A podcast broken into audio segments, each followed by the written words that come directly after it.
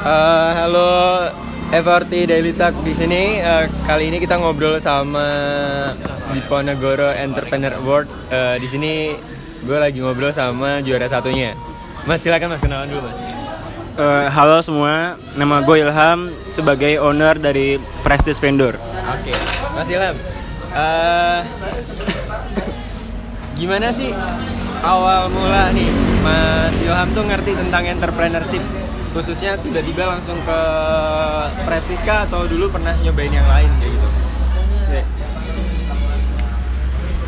Jadi tuh dulu tuh gue tuh pas SMA nih, gue tuh SMA mulai buka bisnis. Cuman tuh di bidang clothing, ya yang biasa lah, yang lokalan yang murah-murah lah. Oke oke oke. Itu karena gue di boarding school, jadi itu pasar gue kan cuman anak-anak asrama gue doang kan. Gue paling jualan jualan jersey. Ya nggak, gue bikin clothing clothing brand tapi yang ada bau-bau tentang anak-anak boarding schoolnya. Oke. Dan pasar gue tuh cuman sebatas boarding school doang. Oke siap. Itu Kenapa? berarti eh, dulu sempat bikin clothing juga tuh. Iya. Di mana pak nama nama boardingnya? Aduh, nama gitu nama SMA gue namanya Albayan, itu di Jawa Barat. Oke. Terus tuh nama clothing brand gue itu namanya Horizontal. Horizontal. Horizontal. Terus terus lanjut. Eh, setelah itu. Nah terus tuh pas gue lulus SMA, gue kan kuliah di Undip kan. Nah itu tuh gue baru nih gue tuh melek banget tentang pasar-pasar di Undip. Di Undip tuh sangat banyak banget vendor-vendor yang gede-gede. Cuman tuh gue tuh ngerasa kayak ada yang kurang gitu loh. Hmm.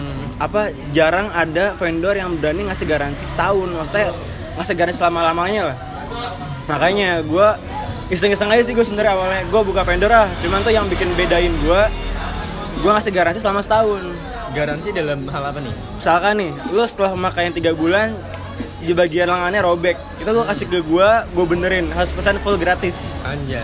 Nah itu Oke, sebenarnya oke, oke, oke. yang bedain gue dari yang lain. Ya itu gue konsep gue buka vendor tuh sebenarnya yang pertama tuh gue ngeliat pasar dulu kan nih pasar gue ada market gue ada. Terus tuh yang bedain gue adalah gue pengen ngasih rasa aman nih ke ke customer gue. Gue pengen ngasih rasa aman, gue pengen ngasih rasa percaya. Gue pengen setelah dia tuh order di gue dia ngerasa aman lah. Oke.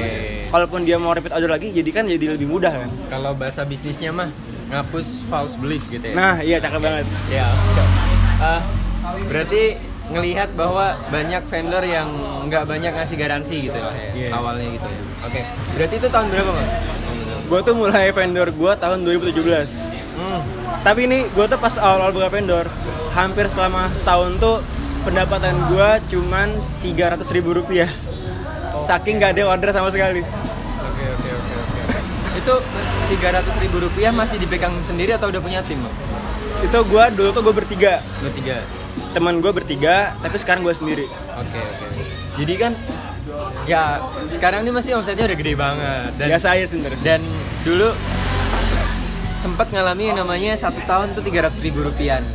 Dari 300 ribu terus sekarang yang udah udah nggak hitungan tahun lagi, hitungan bulan yang udah gede itu apa sih mas yang apa ya? Yang lu dapetin dan lu ngerasa oh ini salah dan perlu gue perbaiki gitu. Jadi itu sebenarnya pas awal-awal tuh gue buka vendor tuh gue masih belum melek tentang yang namanya digital mar- digital marketing lah. Gue nggak maksimalin Instagram gue, gue nggak maksimalin line ad gue. Nah terus tuh setelah gue tuh melek banget tentang banyaknya paid promote di Instagram dan orang-orang tuh yang nge-order pun mahasiswa yang kebanyakan pengguna sosial media seperti Instagram. Makanya gue mulai pakai Instagram gue. Terus tuh eh, cara gue pertama kali buat masarin vendor gue tuh gue bener-bener kayak ngechatin nih semua himpunan yang gue kenal kahim-kahimnya, kabit-kabitnya Bener-bener jemput bola ya. parah cuy gue bener-bener kesenat gue kasih proposal gue BMFT gue kasih proposal gue ya tolak semua sih cuman seenggaknya dia tahu gue lah Hmm. Kalau waktu itu mesti ditolaknya mesti tentang harga deh, ya nggak? nah ya itu pas awal-awal gue buka vendor tuh gue gue nggak punya tempat produksi cuy Oke. gue tim desain gak punya gue benar-benar desain semua sendiri paling minta teman gue lah yang bisa, yang bisa desain kan gue semua orderan gue gue oper semua ke Jakarta ke tempat om gue tapi itu tuh kayak satu UMR Jakarta tuh mahal banget cuy UMR Jakarta. Jadi itu, jadi itu pun harga yang dia kasih tuh mahal banget. Oke. pas gue tuh ngasih ke Undip itu harganya nggak masuk akal. Bener-bener tuh beda banget makanya gue nggak bisa bersaing. Dan bahkan vendor-vendor di Semarang tuh bener-bener yang bagus banget dan harga itu murah-murah banget. Dan gue tuh sempet yang ngalamin kayak gue mikir kayak apa gue nggak usah buka vendor kali? Apa mungkin gue coba usaha yang lain gara-gara persaingannya terlalu murah-murah banget parah oke oke oke oke tapi kalau nggak salah Prestige sampai hari ini juga masih bertahan dengan eh, menengah ke atasnya nih ya nggak nah iya Nah, apalagi namanya prestis gitu kan. Nah, eh, sampai akhirnya mau bertahan di harga itu tuh karena emang ada market yang dipenuhi atau ada cara lain nih kemudian tetap bertahan. Hmm. Jadi itu awalnya itu gue ngasih harga emang lumayan mahal kan. Itu karena eh, vendor utama gue yang Jakarta tuh harganya mahal banget buat ukuran vendor yang di Jakarta ya. Bukan kayak Semarang. Nah terus tuh akhirnya gue coba gue mitra bareng sama tempat bordir yang ada di Semarang. Jadi tempat jahitnya gue mitra bareng, terus bordirnya gue mitra bareng, sablonnya gue mitra bareng. Akhirnya gue bener-bener bisa dapat harga yang paling murah karena gue bisa dibilang gue nggak usah lah tempat produksi langsung. Dan karena gue dapet yang murah sekarang, jadi harga yang gue kasih pun mahalnya masih masuk, masih masuk akal lah buat anak-anak undip lah istilahnya. Eh, ngobrolin tentang tadi cara marketing nih, apalagi sampai jemput bola gitu. Namanya relasi itu kan penting banget. Eh, oh ya teman-teman nih yang denger eh, Mas Ilham tuh anak mesin 16 nih, ya nggak? Anak mesin 16. Dulu mesti penting banget nggak sih mas relasi itu terus akhirnya sampai bisa Prestis tuh dikenal dan akhirnya dapat pelanggan dari sana. Jadi tuh masalah relasi nih, gua tuh bener-bener banyak banget relasi setelah gua join BEM FT. BMFT. Awalnya gue jadi staff kan, jadi staff itu gua di Ekobis gue kenal sama kayak kahim-kahim lah setiap Ekobis di teknik. Habis itu gua mulai uh, deketin tuh kan, gue minta kontaknya, gue mulai chat-chatin buat nawar vendor gue. Oke. Sampai gue jadi ketua divisi fundraising, akhirnya bener-bener kayak Bukan dulu ya. Itu orang-orang bener-bener percaya ke gue lah karena Oke. gue tuh punya nama di BMFT gue kadif gitu seenggaknya kalaupun gue mau bohong ataupun gue mau lari dia tahu gue harus cari di mana Oke. nah kayak gitu sih Oke, Berarti nama baik nih yang bikin akhirnya orang percaya lah. parah Oke. nama itu benar-benar nomor satu lah Oke, siap, siap, siap, siap. Eh, terus lebih ke ini sih. Dulu tim-timnya nih kan kadang teman-teman yang mungkin juga di dunia fashion tuh banyak banget ngalamin masalah tentang internalnya mungkin ya. nah Apalagi mungkin tadi di tahun pertama Mas Ilham ini sempat ngalami yang namanya se- setahun tuh dapat 300 ribu doang. Nah, di situ gimana Mas mertahanin mereka yang dulu pernah ada di awal sampai akhirnya tetap mau survive jalan-jalan jalan bareng-bareng dengan eh, omset segitu gitu loh. jadi itu sebenarnya tuh awalnya gue kan bertiga kan Hmm. terus tuh yang satu orang ini dia udah lulus Oke. terus tuh yang teman gue yang satu ini dia bikin vendor baru Oke. di Semarang juga Oke. nah terus tuh akhirnya gue bingung kan kayak gue tuh gak punya gue gak punya tim lagi nih sekarang Hmm. mau gak mau gue step maju maju sendiri dong Anjir. Ya Kayak- kan? Kayak nasibnya sama nih kita. Iya. terus uh, ya udah saya tuh yang paling susah adalah di saat gue bener-bener cari uh, partner yang bisa sharing-sharing lah yaitu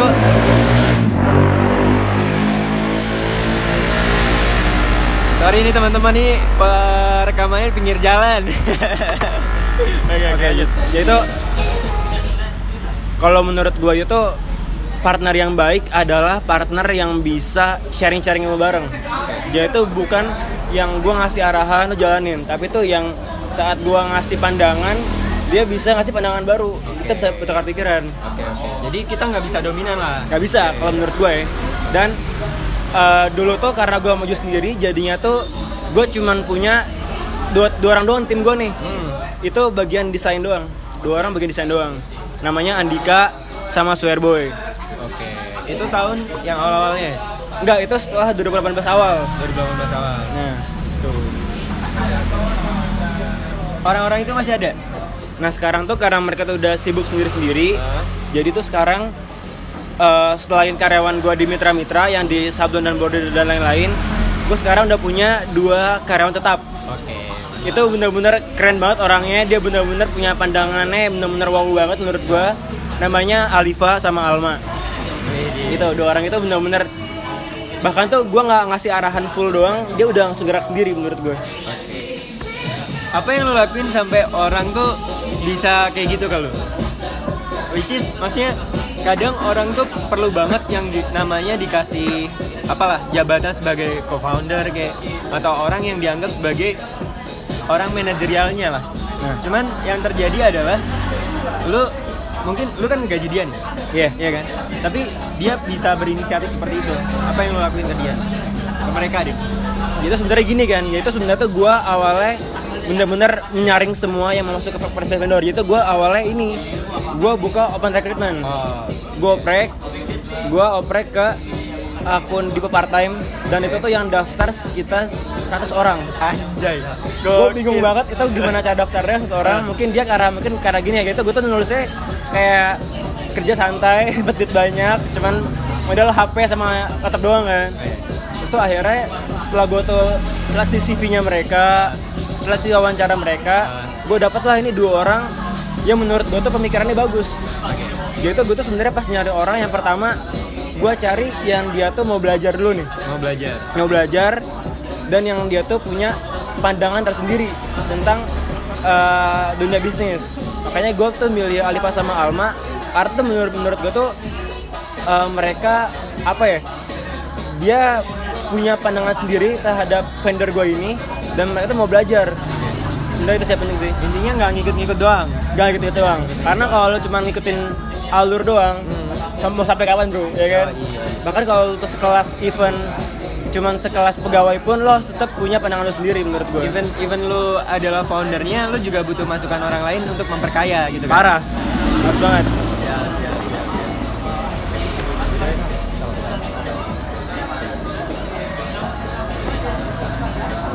Eh, terus ngomongin suka duka prestis nih. nah Ini kayaknya lebih asik nih Oh, kalau parah sih. Kalau teman-teman bisa dengerin nih, eh, gimana sih fase-fase pahitnya nih dari Prestis sendiri dan kapan sih Mas kayak gitu ya? jadi tuh yang paling mengenang di otak gue adalah eh, saat ada customer yang dia tuh kecewa sama hasil buatan gue Oke. Oke oke itu kalau menurut gue nih titik terburuk seorang entrepreneur adalah di saat lo masarin suatu produk dan lo bikin suatu produk tapi customer tuh kecewa sama lo dan menurut gue tuh lo berarti udah gagal di sini Oke oke oke.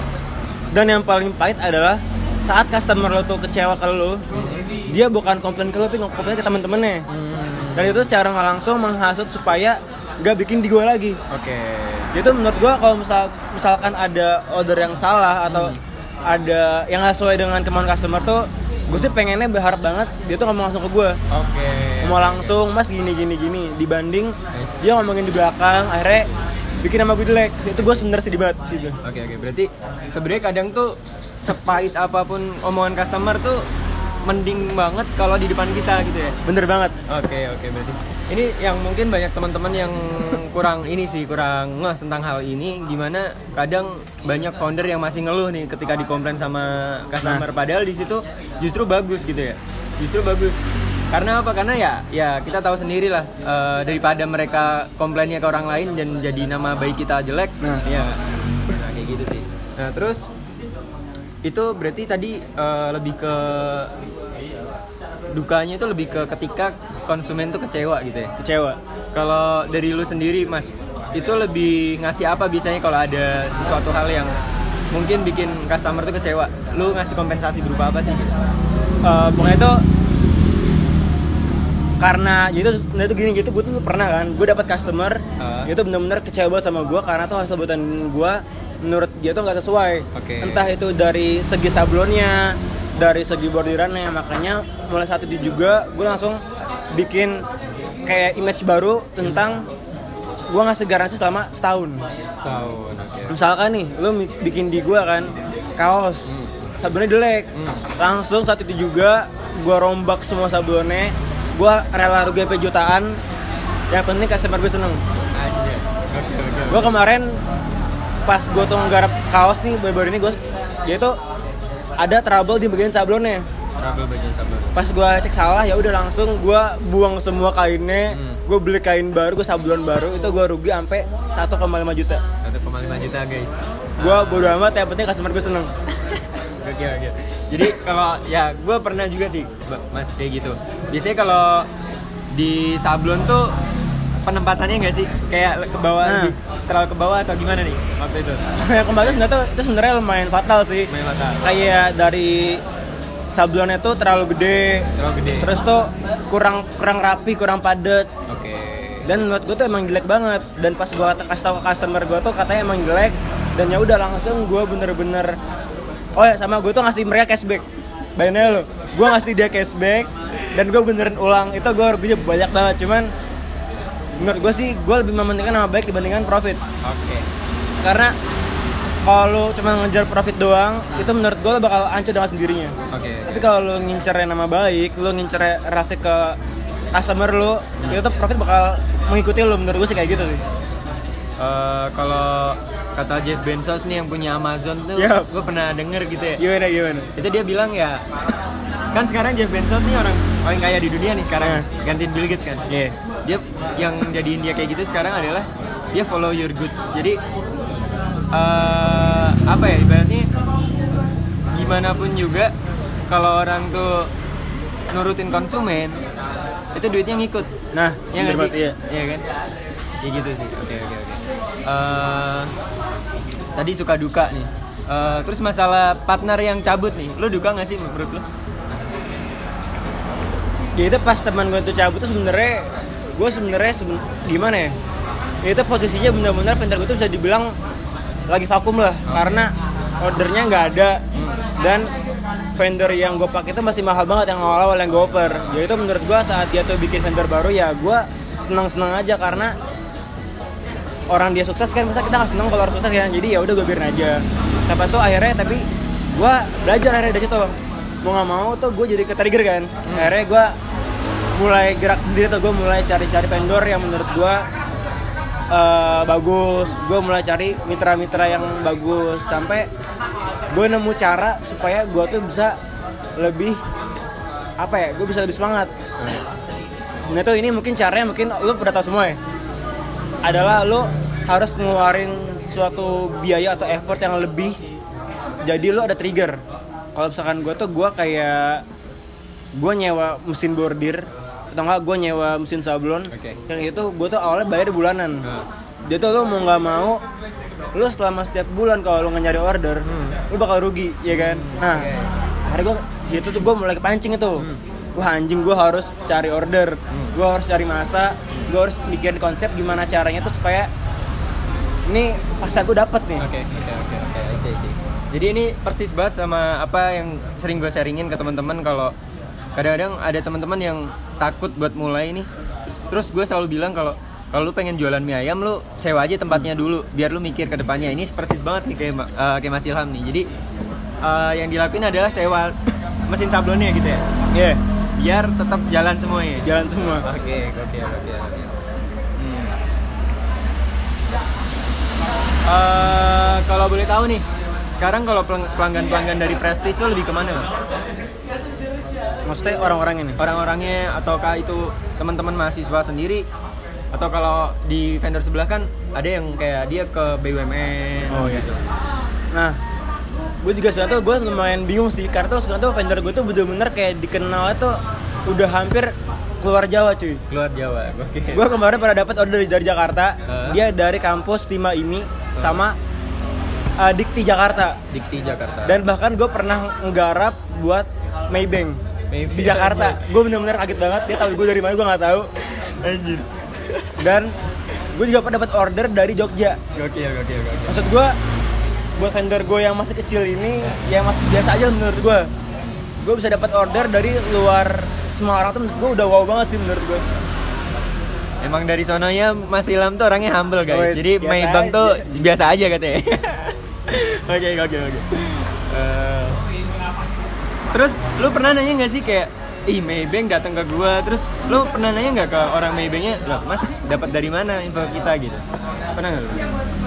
gue eh, nggak pernah sih cuma sih menurut gue tuh menurut gue tuh dia tahu dari Instagram Oke Kira ini buat teman-teman semua saran gue setiap kalau mau buka usaha di Instagram kita harus mainin yang namanya Instagram Ads Oke. dan hashtag. Nah, Itu penting banget menurut gue. lu wah ini menarik sih Instagram Ads gue gue suka banget sih kalau bahas kayak gini. Eh, lu kenal Instagram Ads kapan tuh? Eh, gue tuh mulai kenal dari pas sekitar tahun 2019 awal. 2019 awal. Cuman tuh gue bener-bener baru maksimalin baru akhir-akhir ini doang. Hari ini. Lu biasanya main Instagram Ads tuh yang model-model pakai Facebook dulu atau yang lu adsin langsung nih di Instagram Enggak, gue lewat Facebook dulu. Langsung Facebook dulu. Facebook dulu. Untuk belajar Instagram Ads tuh lu cukup otodidak atau lu ikut training sih? Kalau boleh tahu. Jadi tuh gue sebenarnya ada teman. Teman gue tuh bener-bener dia ahli banget di bidang IT dan digital branding lah. Gue bener-bener kayak nanya-nanya referensi ke dia sih. Oke, oke, oke, oke. Dia tahu nih orangnya nih. Ya, aduh. Bukan anak FEB itu ya? Waduh. Oh, bukan ya? Jadi. Eh, kita mulai ngomongin ke hal-hal yang berkaitan sama kompetitor kan walaupun nih kadang orang bilang kan ya udah kita fokus aja ke customer nggak nggak usah nggak usah fokus ke kompetitor cuman menurut gua kan namanya vendor itu perlu lihat kanan kiri kan Iya. which is secara harga itu paling matters lah gitu nah apalagi di undip gitu ya. Kalau kita ngomongin vendor eh, yang teman-teman undip aja juga lumayan ada lumayan banyak. Banyak banget. apalagi orang-orang yang udah main lama di daerah-daerah Semarang. Itu apa sih ca- challenge gak sih buat lu bang? Terus kayak lu ngadepinnya gimana sih gitu? Jadi kalau menurut gue pribadi ya, kalau ada pesaing-pesaing kita itu, gue lebih memilih kayak kenapa lo harus jadi kompetitor kalau lo bisa menjalin relasi. Oke. Satu gini, di dunia vendor tuh sebenarnya kadang-kadang nih ada masalah di mana vendor A dia udah overload banget dan mau nggak mau dia harus ngoper ke vendor B. oke Dan kalau vendor B udah sangat-sangat overload banget di produksi barang, dia bakal ngoper ke vendor C. Nah itu menurut gua tuh eh, sebaiknya kalau lu tuh punya usaha, lu harus sebenarnya kolaborasi. Kolaborasi menurut gua. Maksudnya lu bersaing boleh, cuman lu bersaing secara sehat. oke oke oke Jangan sampai lu bersaing secara harga. Misalkan gini, misalkan gue naruh harga sekian. Oke. Terus tuh karena vendor ini tuh pengen dapat masa yang banyak, dia ngasih harga tuh turun banget di bawahnya. Dan menurut gua cara kayak gitu benar-benar cara yang masa harga pasar banget di wilayah sini. oke dan itu bakal berdampak sama dia sendiri ketika dia nggak bisa produksi Bumerang. iya Dan itu benar-benar ngerambat ke semua vendor akhirnya karena orang-orang tuh udah pada tahu vendor ini tuh murah. Hmm. Saat dia tuh ke vendor yang sebelahnya yang agak mahal, dia malah mikirnya kok bisa mahal sih mas kan di sini murah kayak gitu sih. Oh, Oke oke oke oke oke. Jadi emang perlu banget ya namanya kolaborasi kalau di industri vendor. Kayaknya nggak cuma vendor sih, hampir semuanya juga kayak gitu nih. Penting banget. Nah, eh berarti nggak ada lah ketakutan ketakutan yang ah dari vendor-vendor lain rame atau lain sebagainya gitu nggak ada ya?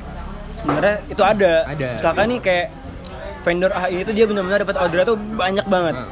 Sedangkan gue cuma dikit banget nih. Gue tuh sebenarnya eh, menanggapinya gue mikirnya kayak kalau dia bisa gue kenapa nggak bisa akhirnya bahkan tuh gue belajar ke vendor yang vendor itu misalkan nih kompetitor gue dia bener-bener banyak banget order Hmm. terus dia juga hasilnya bagus ya udah gue akhirnya gue sawan ke dia nih gue sawan ke dia gue nanya bang gue gini gini gini gini gue harusnya gimana terus dia ngasih arahan Justru berarti kompetitor yang hasilnya bagus tuh tempat belajar lu gitu ya? menurut gue Oke oke oke oke oke. Gue pernah baca juga sih mas Eh, di bukunya Peter Thiel yang punya PayPal tuh eh, bukunya namanya Zero to One. Judulnya Zero to One itu dia ngomong tentang sebenarnya ketika orang itu udah berpikir kalau suatu bisnis tuh harus dikompetisiin, maka sel- selama itu juga margin dia bakal kecil. nah iya Jadi eh, ketika kita akhirnya bisa mikir kalau bisnis itu bukan suatu kompetisi, which is kolaborasi ini, itu di situ kita bisa bareng-bareng naikin margin. Bener nggak sih kayak gitu? Bener banget. Bener banget. Oke oke oke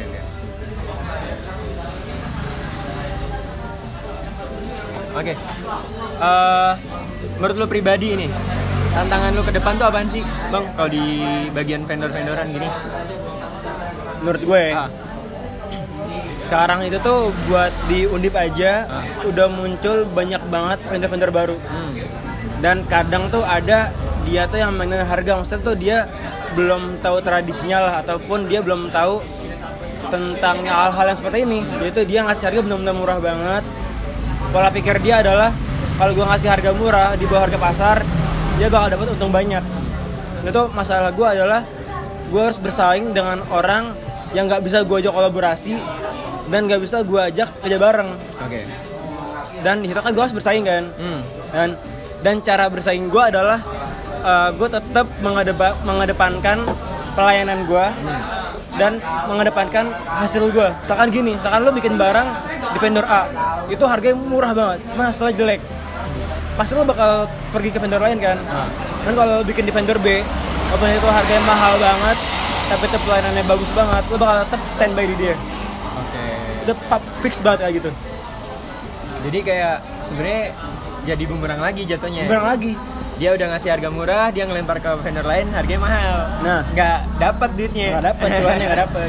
oke cuannya nggak dapat oke oke oke jadi ini sebenarnya di sini gue dapat satu hal sih bang dari podcast ini yang tadi yang ngalir-ngalir aja gue dapat tentang kolaborasi sih pasti. Kolaborasi. kolaborasi nah eh, ke depan nih ket- ketika lu lu sendiri kan mesin nih mungkin teman-teman banyak banget yang nanya gitu Mas Ilham itu kan anak mesin ya banyak praktikum lah banyak tugas-tugas yang wah ya gue ngerti sendiri lah. Karena Deadbar Parama itu juga anak mesin nih. Jadi gue ngerti banget keseharian dia gitu. Siapa emang? Eh, namanya Bayu. Oh, namanya Bayu. Dia anak D3 sih D3 mesin. Nah gue ngerti banget gimana dia itu eh, bener-bener apa ya? Bener-bener bagi waktunya sebegitu berkorban lah ibaratnya. Nah lu sendiri ada apa sih ada ad- advice apa untuk teman-teman yang mungkin majornya bukan bisnis tapi pengen bisnis? Sebenarnya gini sih tuh gue tuh belajar banget belajar banyak di mesin tentang Oke. cara lo mengatur uh, jadwal lo sehari-hari. Jadwal sehari-hari. Misalkan lo bikin timeline secara selama sebulan. Nah, itu selama sebulan lo pengen ngapain aja sih? Misalkan hari minggu pertama lo harus gini gini gini. Kedua gini gini gini. Itu menurut gue tuh kalau lo tuh mau ngatur jadwal dengan baik lo nggak usah cuma mikirin doang. Lo harus tulis di kertas lo bikin jadwalnya kalau bisa lo print lo tempel di tembok kamar lo itu lo ada apa? Lo ada pengingat lah. Kalau tuh harus gini gini gini gini. Dan cara gue tuh membagi waktunya adalah kalau menurut gue tuh antara kuliah bisnis dan kehidupan tuh bener-bener sesuatu yang nggak bisa dipisahin lah. Kalau misalkan disuruh pilih berapa persen gue bakal milih semuanya sama semua. Hmm. karena kalau kalau misalkan tiba-tiba tuh gue timpang sebelah itu bakal hancur banget kehidupan gue oke. misalkan gue milih kuliah terus gue hancur kalau gue milih bisnis kuliah gue hancur Oke, jadi mesti balance lah. balance Oke. dan gimana cara ngebalance menurut gue ya tadi lo benar-benar bikin timeline Hmm. jadi tuh semua yang lo lakuin itu ada agendanya Hmm. kalau lo nggak pernah bikin timeline itu menurut gue semua yang lo lakuin tuh bakal terdistraksi Terdistraksi. misalkan lo pengen belajar tapi tuh lo ada nongkrong sama teman-teman dan kalau lo nggak belajar hati juga lo tuh besok udah ngurus bisnis lo Oke. Nah, itu hal-hal yang kayak gitu sih yang menurut gua wajib banget dipikirin karena kalau lu nggak ada timeline yang secara tertulis lu bakal lupa Oke. Oke. dan lu nggak ada pengingatnya di situ. Yes, yes, yes.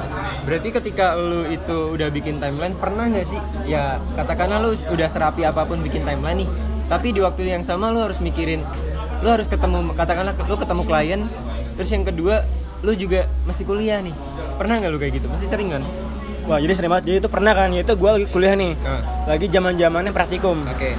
Sedangkan tuh gua ada masalah di vendor gua. Vendor, oke. Nah itu tuh gua mau ngomong kan harus langsung ke lapangan Oke. buat ngurus produksinya dan gue juga harus eh, ngejain praktikum gua. Oke. Nah itu gua cara membagi waktunya adalah dalam sehari ini akhirnya gue bikin timeline sendiri. Oke. oke.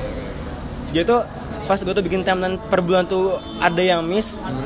Hari itu juga gue bikin timeline per hari, per jam. Per jam. Dari jam segini jam jam, jam segini gue ngurus praktikum. Hmm. Terus siangnya gue udah harus ngurus bisnis gue. Oke. Itu menurut gue lo cara terbaik adalah lo harus mikirin tuh hari ini mau ngapain aja. Itu sih menurut gue. Karena kalau lo tuh bikin timeline tuh selama sebulan doang dan lo tuh nggak mikirin tentang perharinya lo bakal kacau juga karena kan banyak hal-hal yang gak lo pikirin misalkan kayak ada masalah di kampus lo sama dosen lo atau nggak ada masalah sama klien lo atau klien lo minta ketemuan. Itu hal-hal yang bisa ganggu timeline banget kan? Ah. makanya lo tuh harus fleksibel lo orangnya. Oke, jadi uh, tujuan jelas tapi caranya fleksibel gitu ya? Bener banget. oke Oke, oke, oke, oke. oke gokil gokil gokil. Gue banyak banget belajar dari nih bang. Eh, terakhir nih mungkin nih pertanyaan terakhir gue adalah eh, lu kan di sini sekarang katakanlah banyak lah eh, orang-orang katakanlah teman-teman di teknik nih eh, itu punya banyak banget mimpi jadi lu nih. Karena siapa sih yang nggak pengen eh, orang tuh bisa balance antara kuliah sama bisnisnya gitu. Apalagi jadi juara satu eh, DWA gitu kan. Hoki gue Pak. Eh, eh tapi sebelum gua ngomongin yang terakhir nih gue pengen tahu dong DWA apa apa ya? Gimana tuh lu ceritanya bisa menang DWA sampai akhirnya apa yang lu dapetin dari DWA gitu? Jadi sebenarnya gini itu gue tuh sebenarnya gue tuh awalnya bener-bener mager banget. Ah, gue nggak pernah ikut lomba wirausaha sama sekali mau itu PMW pakai wirausaha terus ya kayak gue nggak pernah lah ikut ikut lomba kan. Terus tuh temen gue kabit eh, BMFT Kobis dia bilang ke gue coba dong Ham lu masukin dong usaha lu ke sini. Siapa tahu menang kan. Akhirnya gue bikin dong gue bikin. Terus tuh gue konsultasi ke juara yang kemarin. Nah itu juara yang kemarin itu juga dari mesin juga. Namanya Mas Rijan dan pas gue tuh naik ke dia dia ngasih banyak ngasih banget banyak lah gue masukan tentang btw Mas Rijan tuh yang kantin anomali bukan? Nah, iya. nah, iya iya oke dia itu dia tuh kemarin ngasih gue masukan yang paling penting adalah uh, lu harus jelas tentang laporan keuangan lu. Hmm. dan itu tuh gak berlaku buat lomba doang. Cuman buat jalan ke depannya tentang usaha lu sendiri. Karena gue tuh basicnya teknik dan gue tuh nggak tahu tentang laporan keuangan gue tuh nggak tahu tentang ekonomi lah kayak laba rugi gue nggak tahu itu apa sih gue nggak tahu. Bahkan gue fisika matematika yang kayak gitu lah yang hitungan semua kan yang gue pelajarin. Dan pas tuh gue tahu itu semua gue tuh jadi terbuka pikiran gue akhirnya gue bener-bener ngerinciin tentang biaya produksi gue dari mulai harga kain tuh berapa gue tulis semua tuh di laporan keuangan gue harga jasa border berapa jahit berapa dan lain-lain. Dan ya itu menurut gue sih yang bikin gue menang tuh kayaknya laporan keuangan gue sih. Atau laporan keuangan gue gue bener-bener nulis secara rinci banget. Kayak misalkan gue nggak tahu nih gimana caranya lo ngitung eh, biaya produksi suatu barang saat lo tuh belum langsung mulai. Lo, lo bisa memperkirakan. Dan kalau lo udah bisa memperkirakan lo bisa lo bisa tahu harga jualnya. Oke Nah itu yang gue tulis di situ. Dan sebenarnya tuh yang bikin gue menang gue juga bingung sih karena tuh pesaing-pesaing gue tuh banyak banget. Yang kayak dia tuh owner tempat kopi. Dia punya suatu brand tentang digital marketing yang unik banget. Kalau misalkan gue tuh menang tuh menurut gue bukan karena dasar unik ya sih. Karena kalau misalkan unik yang unik banyak bukan cuma gue doang. Bahkan tuh bisa dibilang vendor tuh sebenarnya usaha yang nggak yang nggak unik. Karena cuman biasa-biasa aja kan beda. Kayak lu misalkan punya usaha kayak yang di bidang industri kreatif atau kalau punya usaha di bidang yang lu bisa terus berkembang kayak digital dan lain-lain lah.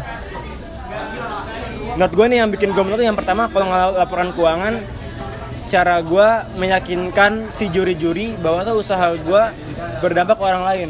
Oke berdampak. Berdampak. Karena tuh gini menurut gue tuh usaha yang bagus adalah saat lo bisa ngasih orang itu kehidupan. Ya simpelnya lo bisa ngasih dia makan tuh udah bersyukur banget. Karena tuh mitra-mitra gue mitra penjahit nih dia tuh adalah orang-orang yang di PHK di usia muda dan dia tuh jadi penjahit. Akhirnya itu gue rekrut dan mau nggak mau dia dapat uang dari usaha gue kan. Dan menurut gue saat usaha lo tuh udah bisa ngasilin manfaat ke orang-orang yang membutuhkan itu tuh menurut gue kayak rezeki lo bakal ngalir sendiri menurut gue jadi nggak usah mikirin Nggak usah. cuan apa enggak yang penting lu berdampak dulu Nah, ntar duitnya ngikut lagi gitu. Siap dan hal yang gue dapat yang pertama adalah gue jadi melek nih tentang kayak saat lo tuh ikut lomba-lomba bisnis itu tuh benar-benar menjalin banyak teman-teman lo yang oh iya. punya bidang usaha di bidang lain lah. Kayak gue kenal sama yang punya dia punya keripik kentang keripik kentang tapi itu dia tuh kayak bikin sendiri. Dan itu itu gue keren banget menurut gue sih. Gue akhirnya kenal sama dia. Terus gue juga dapat arahan dari juri-jurinya. Dia bilang tuh "Gua- usaha gue tuh kayak gini gini gini gini. Usaha gue tuh kayak kurang gini gini gininya. Oke, bet- betulnya juga eh, gue kenal Mas Ilham nih gara-gara dia juga juara nih. Jadi gue gue akhirnya kenal gitu. Eh, gini sih bang, ngomong-ngomong tentang kompetisi bisnis nih. Iya. sebenarnya eh gue pribadi punya apa ya punya keresahan sih. Keresahan gue adalah eh gue ini dulu oke lah gue pernah ikut PMW gitu. Di mana gue memang di situ mencoba untuk cari modal awal dulu dulunya gitu. Tapi yang gue lihat teman-teman gue mungkin yang dulu pernah ikut juga itu mengikuti banyak lomba yang akhirnya yang di- dia cari adalah cuma sebatas achievement sebagai pemenang dan juga duit. Nah, banyak teman-teman gue yang setelah dapat duitnya itu bener-bener dinikmatin doang tanpa ngelanjutin usahanya nih menurut lu gimana nih kalau gue sebenarnya sih gue tuh gue paling anti banget sama orang yang ikut lomba bisnis cuman buat ngincar uang buat dia pribadi. Oke. Kalau dia ngincar uang buat modal usaha, is oke lah. Dan itu penting banget menurut gue. Tapi kalau sampai uang hasil menang itu dia nggak pakai dia dia nggak manahkan buat usahanya dan malah dipakai buat dia sendiri itu menurut gue bener-bener apa ya dia kayak kompetisi trainer nggak sih gimana jadinya? kayak ini banyak loh orang-orang yang yang wirausaha muda yang yang dia tuh nggak punya modal.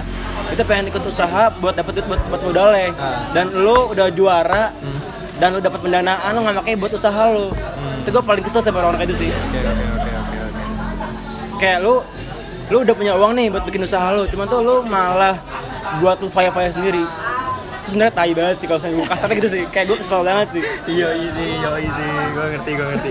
Eh, dan itu banyak terjadi men, serius.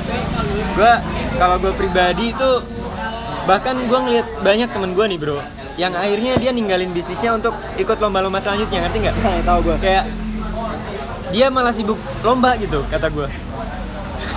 Dan gini misalkan kayak ada lomba business plan Ah. lo kan cuman nge-planning doang Ah. kan yang nanti tuh uang hasil juaranya buat lo bikin usaha so jalan plan lo Oke. tapi banyak banget juga yang gua kenal nih nggak ada usaha yang jadi ujung-ujungnya dia pakai uangnya terus hilang usahanya Maksud gua lu udah susah-susah bikin BPC, Ah. modal kanvas, udah keren banget tapi lu malah pakai uang modal usaha lu ini buat lu kayak foya-foya sendiri sih. Itu gua sebenarnya antara kesel dan kecewa sih gue. Oke oke. Gue kasihan sama yang ngasih duit mas. Makanya gua kayak lu mau bazir ngasih duit dia. Buat gua aja dah. iya. Tuh nih gua sekarang. Oke oke oke. Thank you so much lah Mas Ilham. Eh, oh iya btw gue masih punya banyak pertanyaan sih sebenarnya. Jadi gini nih, gue gue jadi nggak selesai selesai nih. Gimana, gimana? Karena tiba-tiba gue kepikiran aja nih dari tadi kita ngomongin teknis kan. Hmm.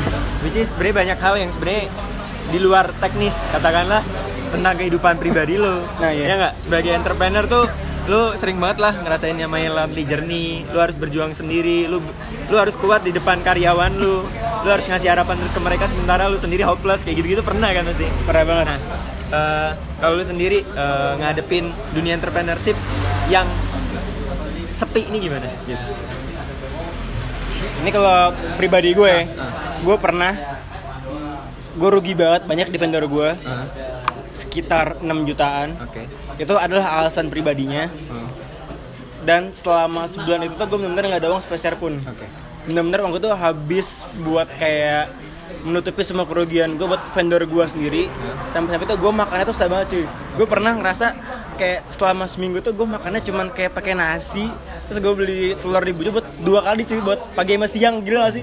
Gue kayak saking miskin ya dan gue tuh bukan tipe-tipe orang yang kalau gue tuh nggak punya uang gue minjem tuh gue paling anti minjem. Oke. Gue lebih baik kayak kayak kelaparan nih terus gue nyari usaha cara supaya gue bisa dapet uang lagi. Jadi gue gue pernah nih coba jadi gue gue kan kan juga sering main gitar kan Ah. gue punya amplifier yang itu tuh harga itu sekitar gue beli 3,5 juta. 3,5 pas SMA gue ngeband kan terus pas gue tuh lagi bokeh banget nih gue diem diem amplifiernya gue jual rata gue nggak tahu Iya, iya, iya. gue jual cuma sejuta doang Oke. terus printer gue gue jual kan gue jual printer gue gue jual amplifier gue oke. gue jual sepatu bola gue gue gue jual semua barang-barang gue supaya gue ada modal lagi buat bikin usaha gue lagi Oke, gokil nih. Nih nih nih nih, ada ada insight baru nih. Lu nggak usah ngutang, mending lu nggak usah makan aja dulu. Iya. Ntar lu mikir buat dapetin duitnya gitu ya. Jadi jadi anti banget Iya. lah buat ngutang gitu ya. kalau lu ngutang tuh menurut gue tuh bakal jadi habit sih kalau ngutang iya. misalkan nih lu ngutang nih Hmm. lu lu pernah tuh habis setelah lu ngutang lu udah ngelunasin Hmm. Lu kere lagi nih. Akhirnya lu ngutang terus ngutang terus. cuman lu tuh lu tuh gitu ah lu tuh nggak punya mindset buat mikir kayak gimana cara gue buat bayar utang. Eh nggak gimana caranya gue buat nggak utang lagi. Sementara kalau lu utang terus lu bakal dapet mindset gimana caranya kalau gue utang gue bisa bayar lagi. Itu yang salah. Kayak lu gak ada lubang tutup lubang. Kerja kalau buat nutup utang doang juga nggak enak bang. Ya nah iya lu nggak ada kayak lu kerja tuh buat apa sebenarnya sih buat Iya. dapat profit buat diri lu sendiri kan Iya. lu buat utang doang ngapain Iya.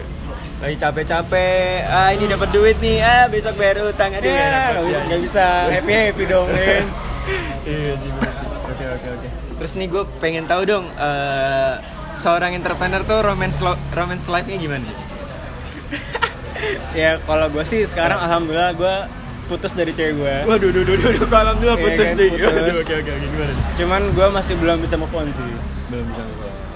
Tapi k- kata lu tuh sebenarnya lu butuh gak sih bro? Eh, ya, ya kita kan jadi namanya anak muda, eh, usaha sendiri, banyak resiko yang kita tanggung. Lu sebenarnya butuh gak sih teman teman cerita lah ibaratnya. Lu ke, kalau kesah ke mana lagi? Gitu? kalau menurut gue sih sebenarnya lu tuh teman cerita eh, harus ada Harus ada. misalkan nih kayak lu mau pacaran sebenarnya gue fine fine aja sebenarnya terserah lu. Tapi kalau pacaran lu tuh sampai mengganggu kehidupan personal itu yang susah. Oke. misalkan lu pacaran tapi tuh toksik banget hubungan. Misalkan kayak lu nggak bisa ke mana-mana terus lu ngabarin dia. Itu menurut gue yang bikin hubungan jadi nggak sehat. Berarti sementara ini Mas Ilham sendiri guys. ya teman-teman cewek yang denger nih. Instagram lu apa, Mas? Eh tau gak sih semenjak gue tuh masuk DWA nih banyak banget yang follow gue nih Oke, oke, oke. Masalah tuh gue kayak buka biasa-biasa aja Usaha juga, iya lah pasti usaha gue biasa aja kan Mungkin Sama dia tahu dari efek kamera kan itu efek kamera gue Instagram ya kan Gue dari putih gue putihin pakai Photoshop BTW nih, gua gua pribadi nih effortnya juga mau pakai dia buat model nih. Iya. Oke, oke, oke, oke. Jadi sekarang oke, siap. Kalau menurut lu eh, peran keluarga di hidup lu gimana, Bro? Menurut gue tuh keluarga nomor satu sih Cuman tuh ada saat di mana tuh keluarga gue semuanya nggak setuju gue buka usaha Itu gini, nyokap gue dosen S3 Oke. eh bokap gua dia di kantoran cuman dia sekarang jadi dosen juga di sebuah universitas Jakarta Oke. maksud gua kalau orang tua tuh basicnya bukan wirausaha Hmm. itu susah banget buat lu tuh kayak ngasih bukti ke orang tua lu nih kalau tuh udah bisa hidup sendiri tanpa- uang dari mereka Oke. akhirnya gue sempet yolo ke orang tua gue gue bilang mah eh, Ilham gak butuh uang saku lagi selama sebulan atau tiga bulan cukup bayarin UKT aja Hmm. dan akhirnya gue bisa nunjukin ke orang tua gue bahwa gue tuh bisa hidup tanpa dia ngasih uang saku Oke. menurut gue sih gitu sih menurut gue kalau lo tuh mau bikin usaha dan orang tua, dan orang tua tuh menentang lo. Lo harus ngasih apa ya lo ngasih bukti lah bukti real nih. Kalau lo tuh bisa hidup tanpa uh, biaya dari mereka dan juga dari nilai. Oke.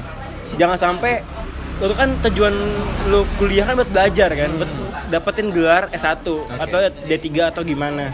Kalau sampai usaha atau ngeganggu kuliah lo juga salah juga karena Itu tanggung jawab ya. Nah, karena kan bokap gue udah ngasih gue baru KT mahal-mahal buat gue kuliah, tapi gue nggak maksimal kan sayang juga. Oke, oke. Harus balance sih menurut gue sepakat sepakat Eh, jadi eh, buat teman-teman yang juga ngerasa orang tuanya mungkin nggak ngebolehin bisnis atau mungkin nggak ngebolehin hal-hal yang kalian suka itu yang paling penting emang ngebuktiin sih Buktiin banget sih. buktiin. Katakanlah sekarang Mas Ilham bisa ngebuktiin nih gue juara satu di. WA itu paling ngeyakinin banget sih Ya, Iya alhamdulillah. tahu orang tua tahu Nah, Jadi itu sebenarnya ada juga hal yang lucu. Ah, Pas gue tuh lomba DWA, ah. itu tuh pas gue lagi pengumuman pemenang, gue gak di Semarang.